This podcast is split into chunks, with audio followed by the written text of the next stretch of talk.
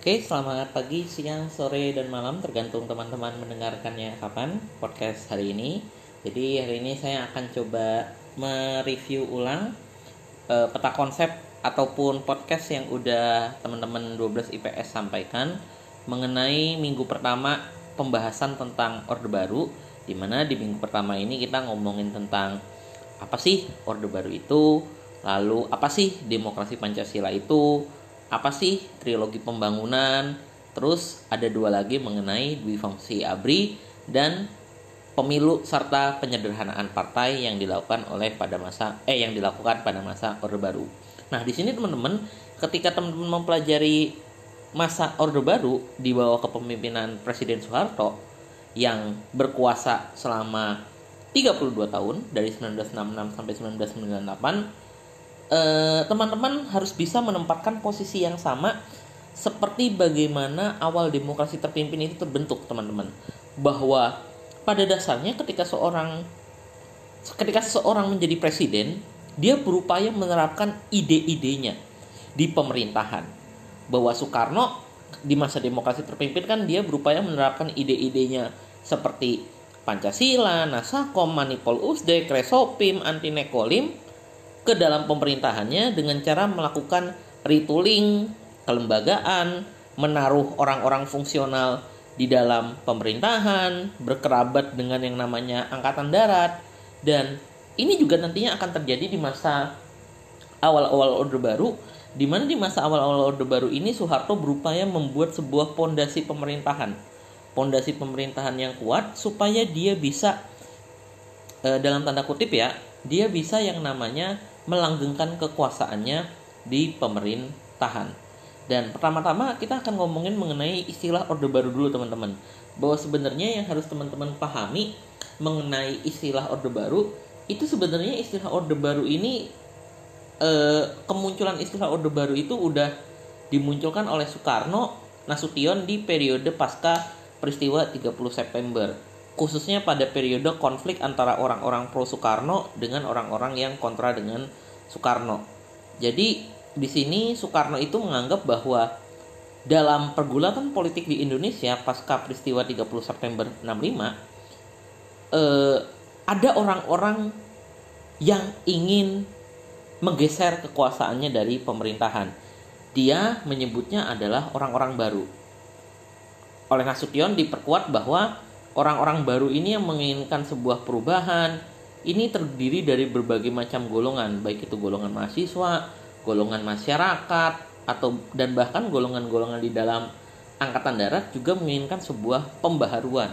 Jadi sebenarnya istilah Orde Baru untuk menyebut masa kepemimpinan Soeharto adalah sebuah penyebutan untuk menunjukkan bahwa pemerintahannya Soeharto yang nantinya akan mulai berkuasa pasca eh, pemberian Super Semar 11 Maret 1966 ini adalah sebuah istilah yang ingin menunjukkan bahwa Soeharto beserta mahasiswa, beserta angkatan darat, beserta orang-orang yang sepandangan dengan dia berupaya membawa sebuah pembaharuan dalam pemerintahan di Indonesia.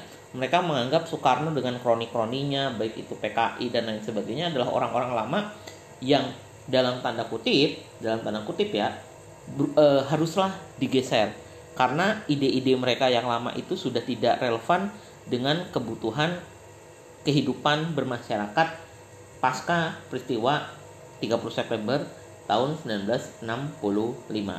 Nah, nantinya ketika Soeharto berhasil secara resmi naik ke dalam tampuk kekuasaan di bulan di tahun 1967 pasca Soekarno mundur dan Soeharto menjadi pejabat presiden e, Republik Indonesia, Soeharto ini berupaya membawa sebuah sistem pemerintahan yang baru di negara Indonesia.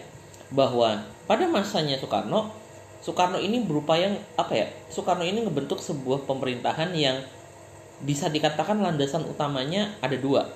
Ada yang namanya Nasakom, ada yang namanya Manipol Usdek, di mana mereka mereka berdua Nasakom dan Manipolitik itu berakar dari Pancasila. Nah di sini Soeharto berupaya untuk yang namanya paling nyata adalah menghilangkan unsur-unsur komunis dalam upayanya dia naik ke pemerintahan tahan.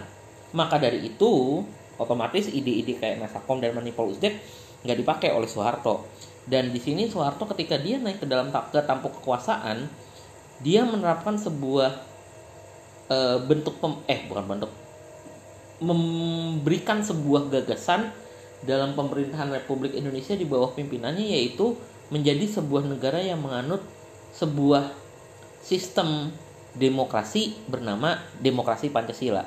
Jadi Soeharto tatkala dia resmi menjadi yang namanya pejabat Presiden Republik Indonesia tahun 67, dia mengeluarkan gagasan bahwa Indonesia ini harus dibawa ke arah demokrasi yang baru. Dan menurut Soeharto yang ideal itu adalah demokrasi yang berlandaskan Pancasila. Disingkat demokrasi Pancasila.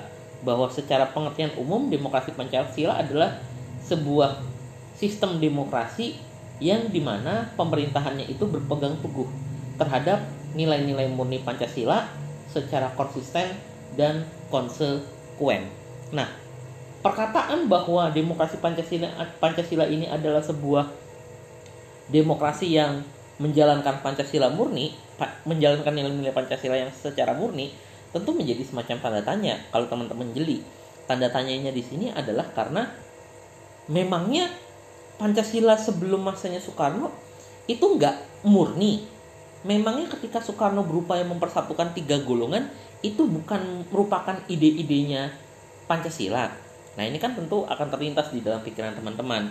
Jadi pada dasarnya demokrasi Pancasila yang digagas oleh Soeharto adalah sebuah Pancasila yang ditafsirkan oleh kepentingan penguasa.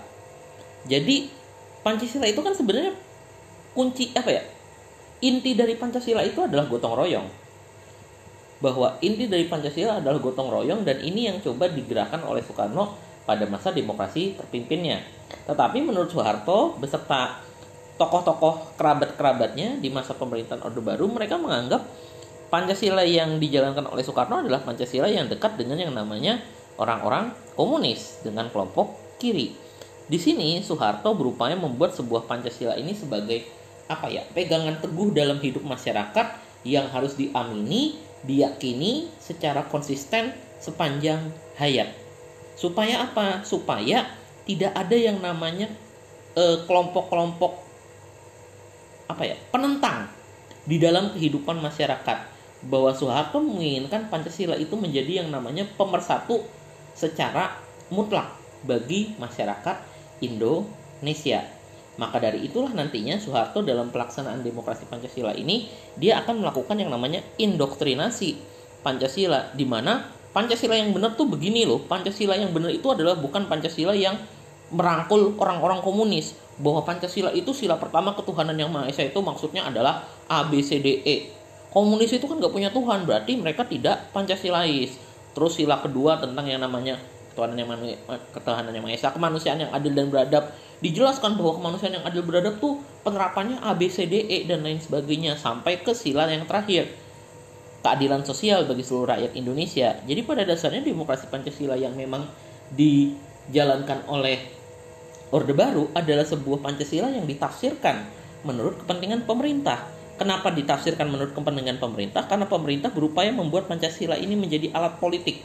Alat politik untuk mengendalikan masyarakat, alat politik untuk yang namanya menindak kelompok-kelompok yang bertentangan dengan mereka, khususnya kelompok kiri ekstrim dalam hal ini komunis dan kelompok kanan ekstrim dalam hal ini Islam yang fundamentalis ini yang coba benar-benar di dalam tanda kutip ya dihabisi oleh pemerintahan Orde Baru pada masa pemerintahan Soeharto. Nah, tatkala demokrasi Pancasila itu sudah berhasil dalam tanda kutip dilaksanakan dalam kehidupan berpolitik bermasyarakat sehari-hari, maka Soeharto bisa yang namanya memfokuskan eh, gagasan utamanya dalam yang namanya meraih dukungan masyarakat. Bahwa gagasan utamanya Soeharto ini adalah sebuah gagasan yang beda jauh dengan Soekarno. Soekarno ini dalam yang namanya meraih dukungan masyarakat dia selalu menyuarakan istilah-istilah konsep-konsep yang abstrak. Tapi Soeharto dia sadar bahwa masyarakat ini akan yang namanya memiliki kepercayaan kepada seorang pemimpin jikalau kehidupan ekonominya bisa baik. Jikalau perut masyarakat bisa dipenuhi Nuhi. ibaratnya selama manusia nggak ada yang kelaparan mereka nggak akan yang namanya ngelawan pemerintahan maka dari itu Soeharto berupaya menciptakan yang namanya pembangunan ekonomi yang bagus demi menciptakan yang namanya masyarakat yang mendukung pemerintahan dan memperkuat kedudukannya. Makanya demi mencapai sebuah pembangunan ekonomi yang jauh lebih baik dibandingkan pada masa Soekarno, Soeharto ini akan yang namanya mencanangkan yang namanya sebuah trilogi pembangunan. Bahwa trilogi pembangunan ini adalah wacana pembangunan nasional pada masa Orde Baru yang menjadi landasan penentuan kebijakan politik, ekonomi, sosial dalam melaksanakan pembangunan negara.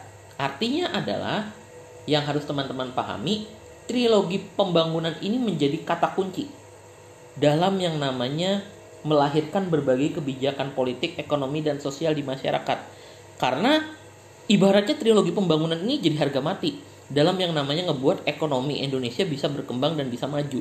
Kalau trilogi pembangunan ini ada penghambatnya, maka penghambat tersebut dalam tanda kutip harus yang namanya dibabat. Supaya apa? Supaya trilogi pembangunan ini bisa tercapai, ekonomi bisa stabil, rakyat bisa kenyang, rakyat bisa nggak kelaparan, rakyat suka sama pemerintahan, rakyat mendukung pemerintahan Orde Baru, dan pemerintahan Orde Baru bisa yang namanya langgeng. Nah, ada tiga trilogi pembangunan yang dicanangkan oleh Soeharto bersama kelompok-kelompok teknokratnya, yaitu kelompok-kelompok ahli ekonominya dia. Di mana yang pertama adalah stabilitas nasional yang dinamis.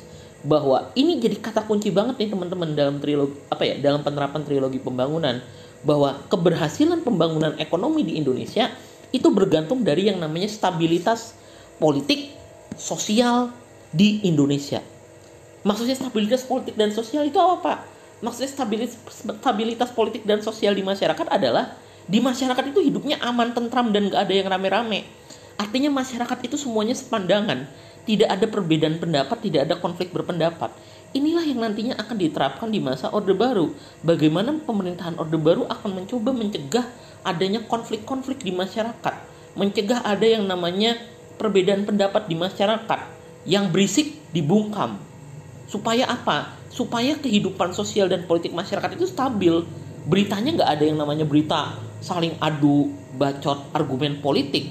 Itu nggak disukain sama yang namanya rezim orde baru dan yang kedua adalah trilogi pembangunannya ini adalah pertumbuhan ekonomi yang tinggi. Dan pertumbuhan ekonomi yang tinggi ini kan tentu berasal dari yang namanya dana-dana asing. Untuk yang namanya ngebangun industri teman-teman. Bahwa di masa orde baru memang pembangunan Indonesia ekonominya itu akan lebih diorientasikan kepada modal asing, membangun industri supaya menyerap lapangan pekerjaan yang besar dan meningkatkan yang namanya kas negara. Itu nanti akan dijelaskan oleh kelompok yang khusus tentang ekonomi dan yang terakhir trilogi pembangunan ini adalah penciptakan yang namanya sebuah pemerataan dalam pembangunan. Ini mungkin akan jadi semacam apa ya? Trilogi pembangunan yang memang pelaksanaannya itu tidak sesolid tidak sekuat stabilitas nasional karena memang kenyataannya di masa Orde Baru dalam pembangunan ya dari periode awal Orde Baru itu tahun 70 sampai 80-an pembangunannya memang lebih terpusat di Jawa sentris. Pembangunan di luar Pulau Jawa itu baru dilaksanakan tahun 85-an, mulai dari Sumatera, Kalimantan, Sulawesi, bahkan Papua pun baru 90-an dan pembangunan yang dilakukan oleh pemerintahan Orde Baru itu nggak lepas dari yang namanya program transmigrasi itu yang nanti akan dijelaskan oleh kelompok tersendiri. Tapi ya pada intinya adalah trilogi pembangunan ini menjadi landasan untuk menentukan kebijakan politik, ekonomi, dan sosial. Karena pemerintah Orde Baru berupaya memanfaatkan ekonomi sebagai alat legitimasi untuk yang namanya meraih dukungan masyarakat. Bahwa dia pengen ekonomi Indonesia bagus, rakyat seneng, rakyat akan yang namanya mendukung pemerintahan Orde Baru terus menerus. Dan tentu teman-teman akan bertanya, siapa sih aktor politik utama dari pemerintahan pada masa Orde Baru? Nah, aktor politik utama pada masa Orde Baru ini teman-teman harus sadar ini adalah aktor politik yang memang sepaket dan nggak bisa dipisahkan, yaitu Abri dan Golkar. Mereka berdua menjadi yang namanya apa ya? Aktor politik paling penting di masa Orde Baru dan sangat mensokong keberhasilan Soeharto mempertahankan rezim Orde Baru selama 32 tahun. Dan yang pertama kita akan coba bahas adalah mengenai keberadaan ABRI. Bahwa teman-teman harus sadar keberadaan ABRI ini merupakan sebuah penggabungan dari empat angkatan bersenjata yang ada di Indonesia.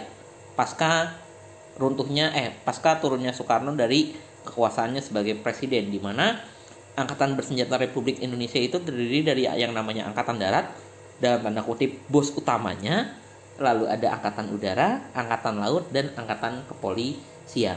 Nah, di masa Orde Baru ini yang harus teman-teman pahami banget, Soeharto itu kan adalah seorang angkatan darat. Dia seorang angkatan darat, dia adalah juniornya Nasution dalam yang namanya karir militer dan di masa pemerintahan Orde Baru Soeharto ini akan meneruskan kebijakan politik jalan tengah yang udah digagas Nasution dan terlaksana sejak tahun 1958 sampai masa demokrasi terpimpin di mana di sini Soeharto lewat dwi fungsi abrinya pada masa pemerintahan Orde Baru itu konsepnya sebenarnya sama seperti bagaimana Nasution menggagas politik jalan tengah di mana kan kalau di politik jalan tengah itu Nasution itu menempatkan orang-orang eh, angkatan bersenjata, orang-orang angkatan darat, orang-orang militer di dalam pemerintahan. Dan bisa dikatakan sebenarnya ketika Soeharto berupaya melanjutkan kebijakan politik jalan tengahnya ini dengan nama dwi fungsi ABRI ada ada pergolakan per, uh, pergolakan politik yang terjadi di Indonesia di mana banyak partai-partai politik yang memang masih eksis pasca peristiwa 30 September macam kayak PSII, macam kayak Murba, uh, macam kayak PNI dan lain sebagainya mereka punya kekhawatiran bahwa nantinya dengan yang namanya pemberian jabatan kepada orang-orang fungsional dalam hal ini termasuk yang namanya ABRI di perpolitikan Indonesia ini bisa yang namanya uh, apa ya memicu konflik politik lagi sama seperti di masa demokrasi terpimpin. Tapi pada akhirnya dicapai sebuah kesepakatan antara para elit politik dari partai-partai yang masih bertahan di periode awal Orde Baru sebelum fusi partai ya dengan yang namanya pemerintahan e, Soeharto bahwa e, kekuasaan politik yang diduduki oleh ABRI di dalam MPR ya khususnya di dalam Majelis Permusyawaratan Rakyat itu hanyalah 20%. Tapi di sini sebenarnya ketika Soeharto melihat ada dalam tanda kutip penolakan dari yang namanya partai politik terhadap keberadaan orang-orang fungsional di pemerintahan termasuk orang penempatan orang-orang abdi di dalam MPR Soeharto melihat ini jadi semacam apa ya sebuah ancaman di masa depan bahwa bisa aja partai politik ini bakal yang namanya berisik di masa depan. Makanya nanti akan ada kebijakan uh, fusi partai yang dilakukan oleh Soeharto itu berakar dari bagaimana sempat ada konflik dalam yang namanya penerapan dui fungsi ABRI pada masa Orde Baru. Dan alasan kenapa Soeharto masih mempertahankan dui fungsi ABRI ini adalah teman-teman harus sadar bahwa Soeharto ini berupaya menciptakan yang namanya stabilitas nasional seperti yang dijelaskan dalam trilogi pembangunan. Dan stabilitas nasional akan bisa tercipta di mana jikalau kinerja orang-orang di pemerintahan itu bisa dipantau oleh yang namanya kelompok militer ataupun kelompok polisi. Di sinilah nantinya Soeharto itu memiliki apa ya apa ya bukan memiliki sih lebih tepatnya Soeharto ini memanfaatkan dui fungsi ABRI sebagai sarana untuk dia melihat apakah ada pihak-pihak yang bisa mengganggu upaya tercapainya stabilitas nasional sekaligus Soeharto bisa memiliki yang namanya kepanjangan tangan di berbagai bidang untuk yang namanya melihat apakah ada pihak-pihak yang memiliki keinginan untuk melawan pemerintah Orde Baru baik dari yang namanya kelompok ekstrem kiri yaitu komunis atau kelompok ekstrem kanan seperti itu.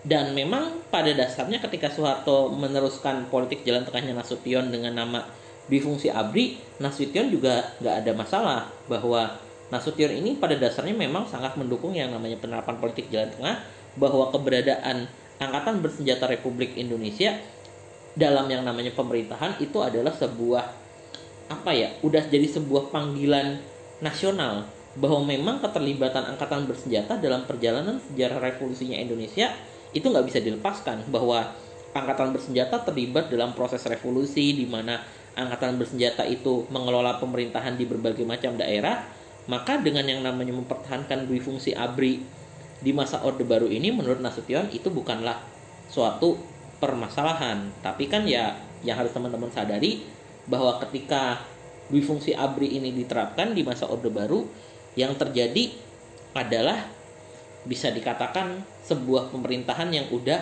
ala-ala fasis udah sangat militeristik di mana jabatan-jabatan yang semestinya diisi oleh orang-orang profesional ternyata diisi oleh orang-orang militer seperti yang pernah terjadi di masa Orde Baru bagaimana Menteri Agama yang dudukin orang militer. Terus lagi Jaksa Agung yang dudukin orang militer. Padahal kan mestinya jabatan-jabatan tersebut diisi oleh orang yang punya keprofesionalitasan dalam bidang tersebut.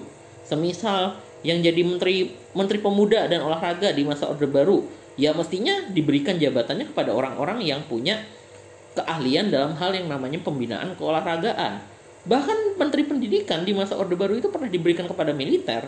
Tentu ini jadi hal yang nggak masuk di akal bahwa bagaimana pengelolaan pendidikan bagi generasi muda diserahkan kepada pihak militer. Padahal Indonesia pada saat itu di masa Orde Baru sudah memiliki yang namanya banyak universitas-universitas yang melahirkan tokoh-tokoh pendidikan di Indonesia. Ini yang menjadi semacam apa ya?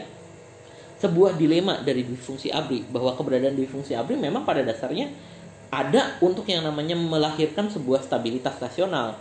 Kenapa bisa melahirkan stabilitas nasional? Karena dengan menempatkan ABRI di pemerintahan ataupun di perpolitikan, ya Soeharto dengan rezim Orde Barunya bisa melihat nih siapa-siapa saja yang melawan dia, siapa-siapa saja yang punya peluang untuk yang namanya menghalang-halangi pencapaian stabilitas nasional dan itu semua berhasil berkat yang namanya dui fungsi ABRI dan keberhasilan dui fungsi ABRI ini juga nggak lepas dari yang namanya keberadaan sebuah lembaga bernama golongan karya. Jadi teman-teman harus paham bahwa di masa Orde Baru ini nantinya dalam perpolitikan ini unik bahwa memang pada awal-awal perpolitikan Orde Baru khususnya dalam pemilu pertama di masa Orde Baru tahun 1971 itu kan ada yang namanya banyak partai politik lebih dari lima partai politik yang terlibat di dalam pemilu. Tapi yang harus teman-teman perhatikan dan jeli adalah di masa Orde Baru ini akan ada satu lembaga saya nyebutnya karena dia bukan partai politik bahwa lembaga ini tuh dalam pemilu 1971 itu masih bernama yang namanya Sekretariat Bersama Golongan Karya Sekber Golkar. Nah, Golkar ini menjadi yang namanya uh, aktor politik kedua bersama dengan ABRI untuk yang namanya menyokong kekuasaannya Soeharto supaya dia bisa bertahan selama 32 tahun bahwa teman-teman harus sadar bahwa golongan karya kelahirannya itu adalah lanjutan dari eh, keberadaan organisasi-organisasi fungsional yang terbentuk di masa demokrasi terpimpin. Kan teman-teman harus ingat pada masa demokrasi terpimpin di periode awal-awal retooling yang dilakukan oleh Soekarno, Soekarno ini kan nantinya kan akan mengangkat orang-orang fungsional ke dalam pemerintahan. Nah, orang-orang fungsional ini, para pejabat-pejabat fungsional ini, nantinya mereka akan bikin yang namanya eh, organisasi-organisasi kepegawaian sesuai dengan profesi mereka. Bahwa para guru ini nantinya akan yang namanya bentuk PGRI, yang nantinya para pegawai-pegawai di pemerintahan yang merupakan aparatur sipil negara, mereka bakal bikin yang namanya soksi dan lain sebagainya. Tapi nantinya semua lembaga-lembaga kepegawaian tersebut akan melebur menjadi yang namanya sekretariat bersama golongan karya itu pada tahun 1964 1964 sehingga golongan karya ini sebenarnya adalah sebuah perhimpunan para tokoh-tokoh fungsional di Indonesia pada masa demokrasi terpimpin. Termasuk di dalamnya adalah orang-orang militer. Bagaimana orang-orang militer ini merupakan juga orang-orang fungsional. Dan mereka berada di dalam yang namanya sekretariat bersama golongan karya. Bahwa sebenarnya nih teman-teman ketika kita bicara keberadaan pemilu pada masa Orde Baru, Soeharto ini kan ketika dia naik tak menjadi pemimpin Indonesia di tahun 67 sebagai pejabat presiden, dia itu kan naik bukan dengan yang namanya proses pemilu. Dia naik lewat yang namanya keputusan eh ketetapan MPRS. Nah, Soeharto sudah memikirkan bagaimana upayanya dia untuk bisa mempertahankan dalam tanda kutip ya kekuasaannya di pemerintahan nanti pada pemilu 1971. Bagaimana menjelang pemilu 1971 ini Soeharto berupaya mencari yang namanya dukungan politik untuk yang namanya bisa mempertahankan kekuasaannya dia di mana di pemerintahan. Pada awalnya itu Soeharto ini berupaya untuk yang namanya e, memanfaatkan PNI. PNI sebagai alat untuk yang namanya mempertahankan dirinya sebagai penguasa di masa Orde Baru. Tapi pada akhirnya Soeharto tidak menggunakan yang namanya PNI karena memang ada penolakan di dalam PNI untuk yang namanya Soeharto menjadi eh, tokoh yang dicalonkan menjadi presiden dalam pemilu 1971 dan keengganan tersebut nggak lepas dari bagaimana banyak orang-orang PNI yang merasa apa ya dalam tanda kutip ya merasa kurang serak dengan Soeharto pasca sikap-sikap dia kepada Soekarno setelah Soekarno mundur dari jabatannya sebagai presiden di tahun 67 di mana kan Soekarno itu setelah dia mundur kan hidupnya sangat miris. Dan tokoh-tokoh politik di PN ini merasa, merasa kecewa dengan perlakuannya Soeharto kepada Soekarno. Sehingga bisa dikatakan PNI ini nggak berani untuk yang namanya memberikan dukungan kepada Soeharto. Toh pada akhirnya Soeharto akan yang namanya memanfaatkan keberadaan golongan karya yang merupakan sebuah lembaga perhimpunan para tokoh eh, pegawai-pegawai fungsional yang ada di pemerintahan termasuk militer untuk yang namanya menjadi kendaraan politik dia. Dan kenapa ya nantinya dijadikan kendaraan politik oleh Soeharto adalah Golkar?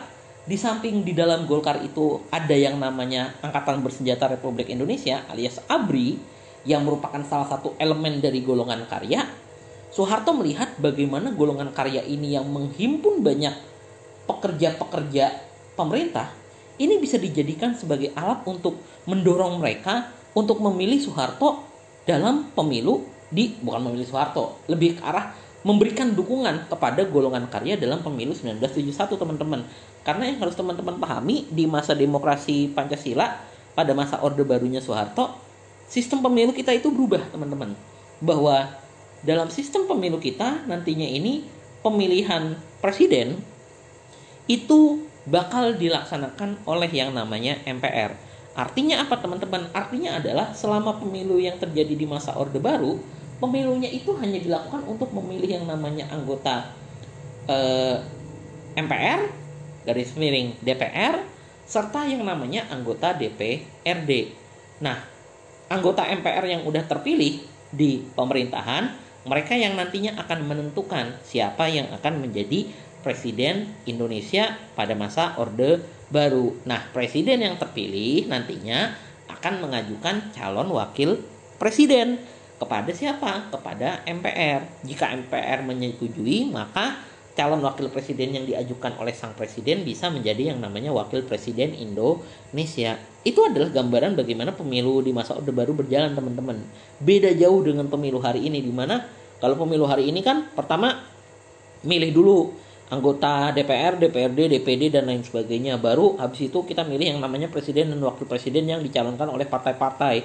Sedangkan masa Orde Baru ya pemilu cuma sekali, milih anggota MPR garis miring DPR dan anggota DPRD. Sisanya pemilihan presiden diserahkan kepada MPR garis miring DPR. Seperti itu teman-teman. Maka dari itu Soeharto berupaya membuat bagaimana di dalam MPR ini, di dalam MPR yang menjadi lembaga penentu siapa yang menjadi presiden, itu bisa dikuasai oleh kelompoknya dia. Teman-teman harus sadar bahwa MPR itu udah pasti diisi oleh 20% angkatan bersenjata Republik Indonesia orang-orang ABRI. 20% udah dipegang sama orang ABRI. Otomatis Soeharto itu dalam upayanya mempertahankan pemerintahan udah dapat dukungan suara 20%. Karena orang-orang ABRI yang duduk di dalam MPR DPR ini adalah orang-orang yang pasti akan memihak kepada Soeharto. Nah, sekarang Soeharto tinggal yang namanya membutuhkan dukungan lebih dari 30% supaya suara dia dominan di dalam yang namanya Majelis Permusyawaratan Rakyat. Di sinilah nantinya Soekarno memanfaatkan Golkar sebagai mesin politik untuk meraih 30% kursi lagi lebih 30% lebih kursi di dalam uh, eh, MPR DPR dan itu bisa dilaksanakan dengan mudah. Kenapa dengan mudah? Karena Golkar ini dalam yang namanya mendapatkan dukungan suara ini akan yang namanya menggunakan cara yang apa ya? Saya sih mungkin nyebutnya adalah sebuah cara yang tidak tepat di mana kan Golkar ini merupakan sebuah lembaga yang menaungi para pegawai-pegawai pemerintahan. Artinya yang jadi PNS, yang jadi kerja di BUMN, yang jadi guru, yang jadi uh, pekerja-pekerja fungsional, ilmuwan dan lain sebagainya, mereka itu kan berada di bawah naungan yang namanya lembaga Golkar. Mereka punya yang namanya kewajiban untuk memberikan dukungan kepada Golkar. Otomatis dalam yang namanya pelaksanaan pemilu ya suara-suara dari para PNS, para uh, pekerja dari BUMN, BUMD, para ilmuwan, para ya orang-orang fungsional yang memang ternaungi di dalam golongan karya itu pasti akan yang namanya memilih Soeharto dan itu berhasil. Bagaimana Soeharto memanfaatkan keberadaan PNS, keberadaan para pejabat-pejabat eh pegawai-pegawai fungsional lainnya di dalam Golkar untuk memberikan dukungan kepada Golkar supaya Golkar bisa memenangkan pemilu dan Golkar yang memenangkan pemilu ini nantinya bisa menca mencalonkan Presiden Soeharto sebagai uh, presiden di negara Indonesia di samping mendapatkan dukungan dari fraksi ABRI di dalam MPR garis miring DPR. Itu yang membuat memang bisa dikatakan ya bagaimana kehidupan demokrasi dan berpolitik di masa Orde Baru ini adalah kehidupan demokrasi dan berpolitik yang terkesan seperti adanya dominasi partai tunggal di mana Golkar ini mampu yang namanya memobilisasi massa, mendorong massa untuk yang namanya memilih dia dan memilih dia itu dengan dasar bahwa lu ini adalah bagian dari pegawai pemerintah. Lu harus yang namanya dukung Golkar. Dan itu jadi semacam ancaman juga teman-teman kepada para pegawai-pegawai pemerintah yang tidak memilih Golkar bahwa ketika mereka tidak memilih Golkar dalam pemilu ada ancaman terkait hambatan di karir dan lain sebagainya. Dan nantinya pun cara lain dari Soeharto untuk bisa melanggengkan kekuasaannya di masa Orde Baru itu adalah dengan yang namanya dia melakukan yang namanya fusi partai dia coba membuat jumlah partai di Indonesia ini tidak banyak hanya menjadi tiga eh hanya menjadi dua partai dan satu golongan karya supaya apa supaya tidak ada yang namanya eh, kebisingan politik yang ramai terjadi jikalau ada banyak partai karena Soeharto melihat bagaimana di masa demokrasi liberal banyaknya partai politik ini bisa memicu yang namanya konflik politik satu sama lain dan bisa mengancam stabilitas nasional. Nah, di sini Soeharto berupaya untuk membuat yang namanya partai politik ini disatuin aja dengan dasar kesamaan tujuan, kesamaan program dan kesamaan ideologi. Karena kan banyak partai-partai yang menggunakan latar belakang ideologi Islam, tapi mereka terpecah jadi banyak partai. Nah, menurut Soeharto, partai-partai kayak gitu disatuin aja. Dan tentu ketika Soeharto mau melakukan fusi partai tersebut, para elit politik sebenarnya berupaya untuk melawan, melawan tindakannya Soeharto karena mereka menganggap tindakannya Soeharto ini sangatlah fasis banget, sangat milit, sangat mengarah kepada pemerintahan yang militeristik. Tapi ya Soeharto nantinya berhasil untuk yang namanya melaksanakan fusi partai ini nggak lepas dari bagaimana ia banyak menempatkan orang-orang kepercayaannya di berbagai macam partai politik untuk yang namanya menciptakan konflik internal di dalam partai politik tersebut sehingga ketika ada partai politik yang mengalami konflik internal ya pada akhirnya diajak aja udah udah daripada kita konflik internal berkepanjangan udah lu bersatu aja jadi satu partai. Inilah yang digunakan oleh Soeharto untuk yang namanya mencapai keberhasilan dalam menggabungkan partai-partai politik di Indonesia pada masa Orde Baru. Sehingga pada akhirnya di tahun 1973 secara resmi partai politik di Indonesia yang tadinya jumlahnya 10 lebih itu bakal yang namanya total hanya menjadi dua partai politik beserta satu golongan karya.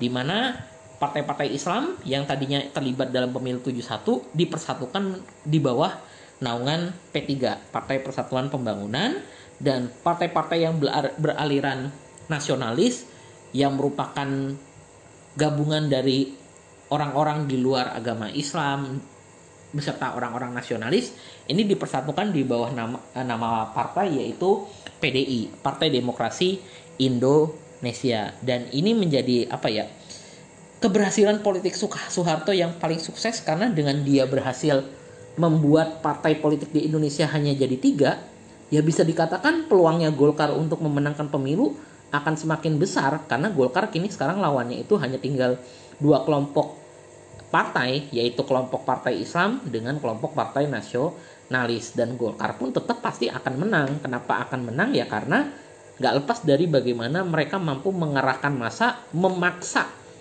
para pegawai fungsional, pegawai pemerintah, pegawai BUMN, guru dan lain sebagainya untuk yang namanya milih Golkar. Kalau nggak milih Golkar, ya resikonya di karir atau bahkan bisa dipindah tugaskan ke tempat yang lain. Itu mungkin podcast singkat saya mengenai gambaran dari bagaimana Soeharto berupaya melanggengkan pemerintahannya di masa Orde Baru.